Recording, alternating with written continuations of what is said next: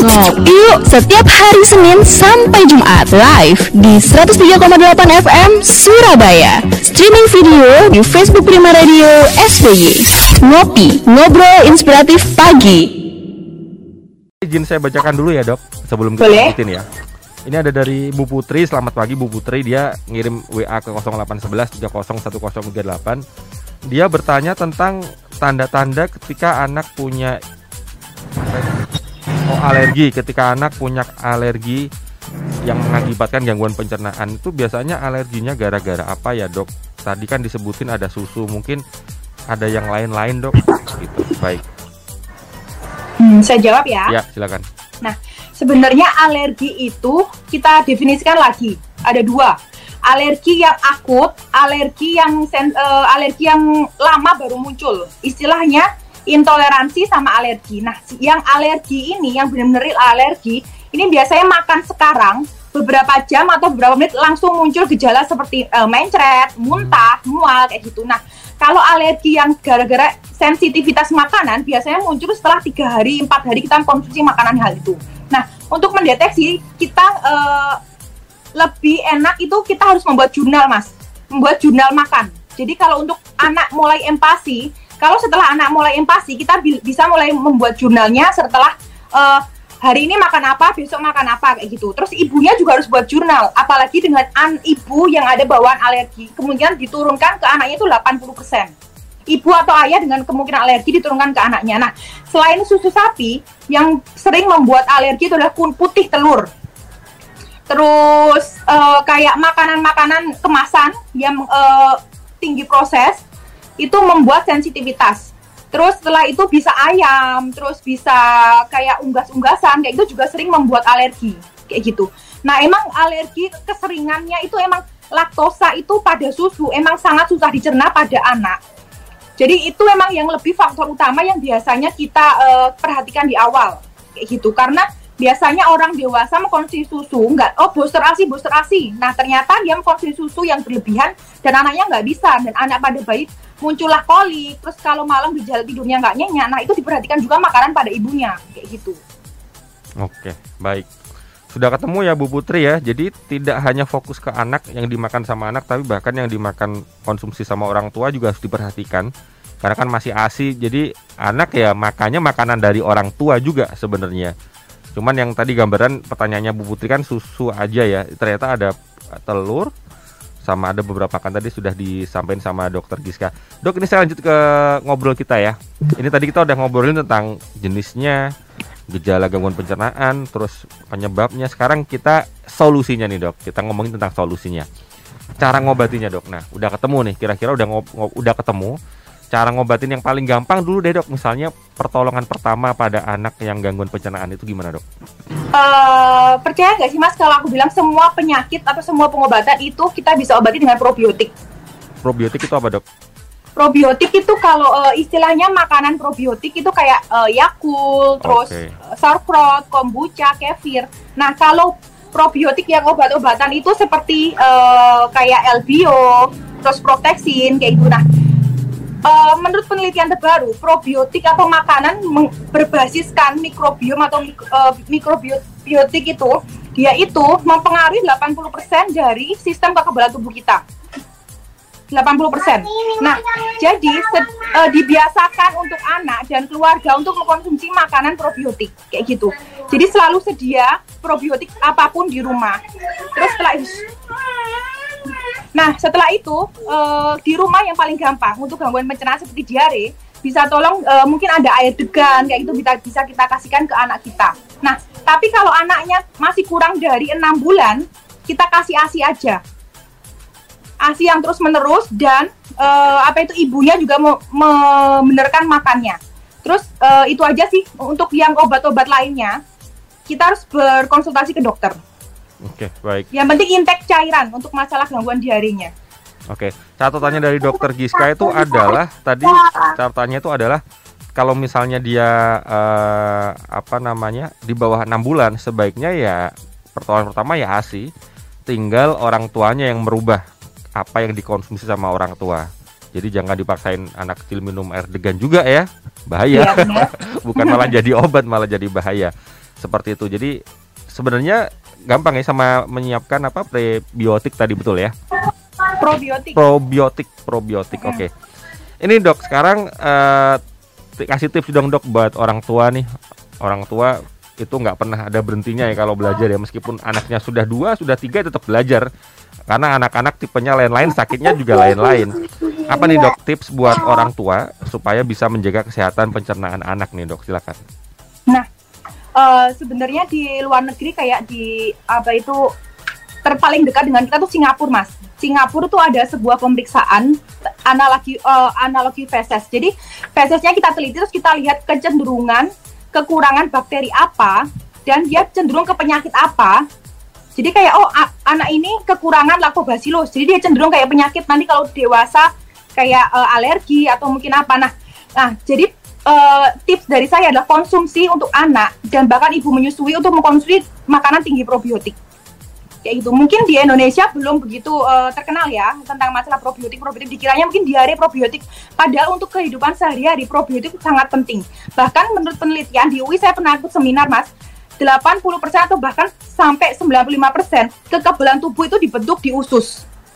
Dan usus itu dipengaruhi banget sama kita pe- pemberian probiotik entah makanan entah suplemen. Dan s- kenapa sih dokter Ana selalu bilang kita memperkenalkan sayuran aja ke anak dengan porsi kecil? Karena apa? Sayuran itu bukan makan sesungguhnya bukan makanan untuk eh, manusia. Tapi sayuran, terus kayak hijau-hijau itu makanan probiotik di usus kita. Jadi saat kita mem- memberikan anak yang mungkin anak di atas 2 tahun yang boleh sudah boleh makan sayuran banyak, jangan lupa probiotiknya dikasihkan untuk menyeimbangkan antara prebiotik, sayur-sayuran dan probiotik untuk meningkatkan imunitas secara umum. Bukan cuma imunitas pencernaan, tapi imunitas secara umum kayak gitu. oke jadi ternyata kuncinya di usus ya. Nggak cuma buat anak-anak loh ternyata ini saat berima saya saya juga baru sadar kalau ini ternyata buat orang besar. Ya iya bener ya Ka- karena ujung awal-awal sakit biasanya memang yang kerasa sakit itu di perut dulu terus larinya ke mana-mana seperti itu. Itu udah ketemu kuncinya sahabat rumah. Jadi orang tua bisa bisa paling nggak stok lah probiotik dan makanan juga makanan seperti sayur itu dimaksimalkan. Jangan cuma makan daging aja sayurnya dibanyakin. Nah sekarang ini dok misalnya anak nih ya anak dia punya gangguan pencernaan dan itu sering terjadi misalnya mungkin dua bulan sekali tiga bulan sekali ada siklusnya gitu dia punya gangguan pencernaan itu ada dia tertentu nggak sih dok? Mungkin harus pola makannya yang seperti apa gitu. Silakan dok. Nah, kalau gangguan pencernaannya sudah rutin setiap dua bulan sekali, terus eh, tanpa sebab ujuk-ujuk dia mencret atau ujuk-ujuk dia konstipasi dan konstipasi diselingi dengan mencret atau diare, kita harus eh, berpikiran oh takutnya ada gangguan di pencernaannya seperti penyakit autoimun, Crohn disease, inflammatory bowel disease kayak gitu. Jadi ususnya itu meradang secara terus-menerus menyebabkan kayak gejala nyeri perut tanpa sebab, terus eh, apa itu eh, gangguan kayak diare berselang dengan konstipasi itu secara rutin kayak gitu. Nah, kalau kayak gitu bisa kita harus kontrolkan ke dokter eh, penyakit dalam untuk mendiagnosanya karena itu bisa panjang kalau memang terjadi eh, kayak penyakit yang kayak eh, autoimun di saluran pencernaan. Nah, tapi kalau kita bisa lihat tadi eh, kalau gejalanya itu emang dari faktor eksternal kayak dari makanan yang kurang bagus, terus eh, mungkin emang imunitasnya yang kurang bagus, nah kita kembali lagi kita tingkatkan imunitasnya mas dengan mengkonsumsi skip atau tidak boleh mengkonsumsi makanan kemasan apa pun. Makanan kemasan kita skip, terus menghindari tepung-tepungan, produk susu yang kiranya membuat sensitif atau alergi kita hindari, terus meningkatkan probiotik dan makanan sayur-sayur dan buah yang mudah dicerna kayak gitu.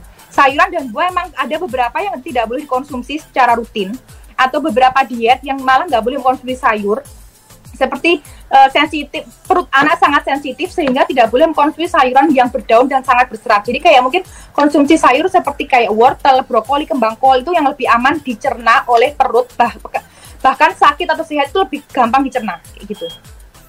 Oke, ternyata sayur pun nggak semuanya bisa dimakan ya, tapi harus Ya. buat anak-anak terutama ya, harus harus dipilah-pilah lah. Terus ini Nah. dok, ini ini saya saya punya pertanyaan nih. Misalnya jenis makanan minuman yang sebaiknya dihindari nih buat anak-anak yang yang nggak nggak anak-anak yang sakit pencernaan aja ya, anak pada umumnya makanan yang harus dihindari itu apa dok? Atau minuman yang harus dihindari itu apa dok? Selain Makanan selain kemasan ya, susah selain sih. kemasan ya.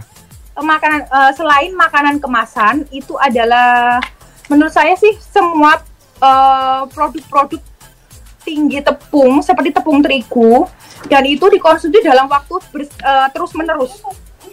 Kalau untuk jarang-jarang sih tidak masalah karena apa? Makanan tinggi tepung-tepung itu hanya uh, gula, tinggi gulanya tanpa tinggi nutrisinya. Jadi kayak anak itu cenderung ting gendut tapi dia tuh kekurangan nutrisi gitu. Hmm. Gendut badannya tapi di dalamnya tuh tidak ada nutrisi yang cukup untuk pertumbuhannya dia. Entah nanti ya jadinya dia pendek atau imunitasnya yang rendah kayak gitu-gitu.